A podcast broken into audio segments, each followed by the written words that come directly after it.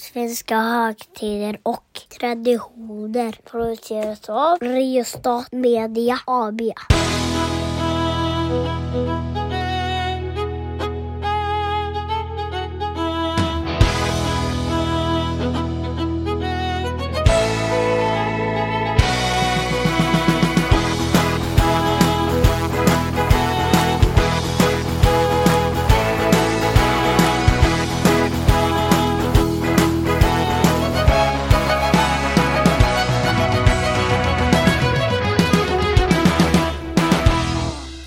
Hej och välkomna till podden Svenska högtider och traditioner. Idag enbart med mig, Mattias Axelsson, eftersom jag kom på här sent på kvällen att det är pilsnerfilmens dag den 22 januari. Och då var Daniel på tåg, så då kunde inte han vara med och podda, utan då blev det så att jag får göra det här avsnittet helt själv om pilsnerfilmens dag. Och Pilsnerfilmens dag infaller ju då den 22 januari och har så gjort sedan 2016.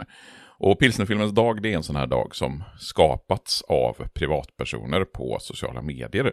Liksom till exempel Sten Stures ben som vi pratade om för några dagar sedan och första torsdagen i mars som vi kommer att prata om i början på just mars. Och skaparen av just pilsnerfilmens dag. Han hette Lars Olof Lindberg. Lars Olof Lindberg finns tyvärr inte längre med oss. Eh, han gick bort hösten 2019, men han grundade redan på 1980-talet Tor-ordet Folkesällskapet för att hedra minnet av Tor Modén. Han var också en lojal stammis på Sunkit. Han var eh, frekvent förekommande i kretsar som Johnny Bode-sällskapet och Ekman-sällskapet. Jag ska länka till en mycket fin text som min vän Gustav Görfelt har skrivit om grosshandlare Lars-Olof Lola Lindeberg på Johnny Bode-sällskapets hemsida. Men Lars-Olof Lindberg, han skriver i oktober 2015 på sin Facebook-sida så skrev han följande. Noterar att det är potatisens dag, 26 tionde. Nyss var det kanelbullens dag och svenska flaskans dag firade vi 1 oktober. Vilken myndighet kontaktar jag om jag vill införa pilsnerfilmens dag årligen den 22 januari? Och nu är det ju så att det finns ju inga myndigheter som man kontaktar för att skapa den här typen av dagar, utan det är bara att börja uppmärksamma dem och sedan hoppas att idén om att fira en sån här dag får spridning. Och lite grann spridning har ju dagen fått. Till exempel så finns den på temadagar.se och den uppmärksammas en del på sociala medier. Framförallt bland gamla stofiler eller stofilintresserade personer, som till exempel en sån som jag.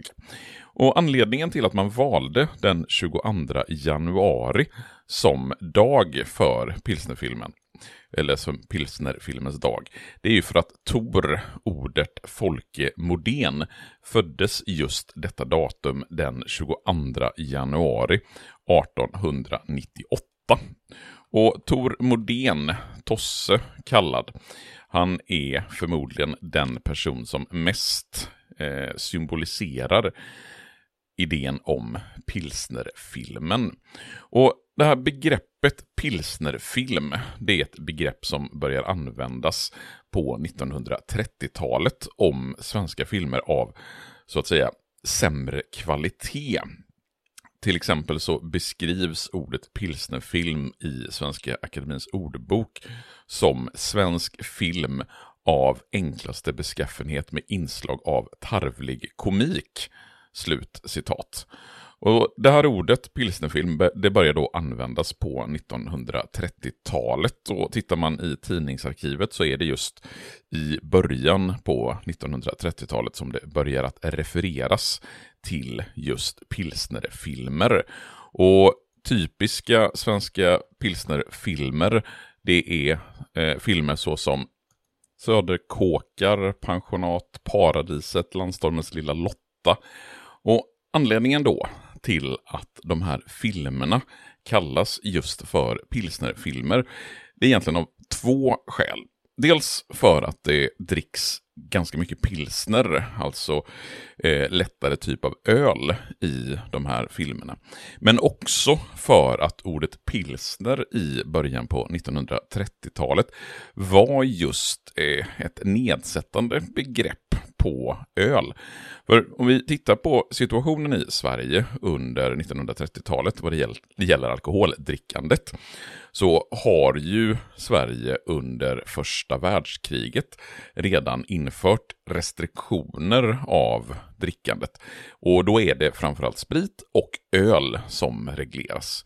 Och när man så småningom inför motbok så är det ju i motboken så att där regleras drickandet av starka drycker i form av brännvin och annan typ av sprit.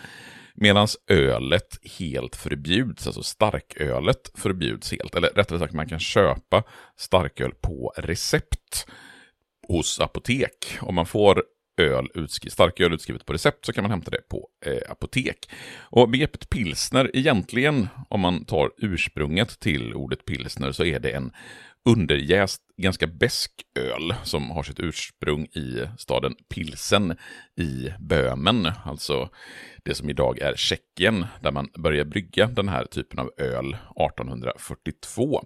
Men idag så används pilsner som en benämning på öl i allmänhet och ljuslager i synnerhet. Där man kan säga, ska vi ta en pilsner?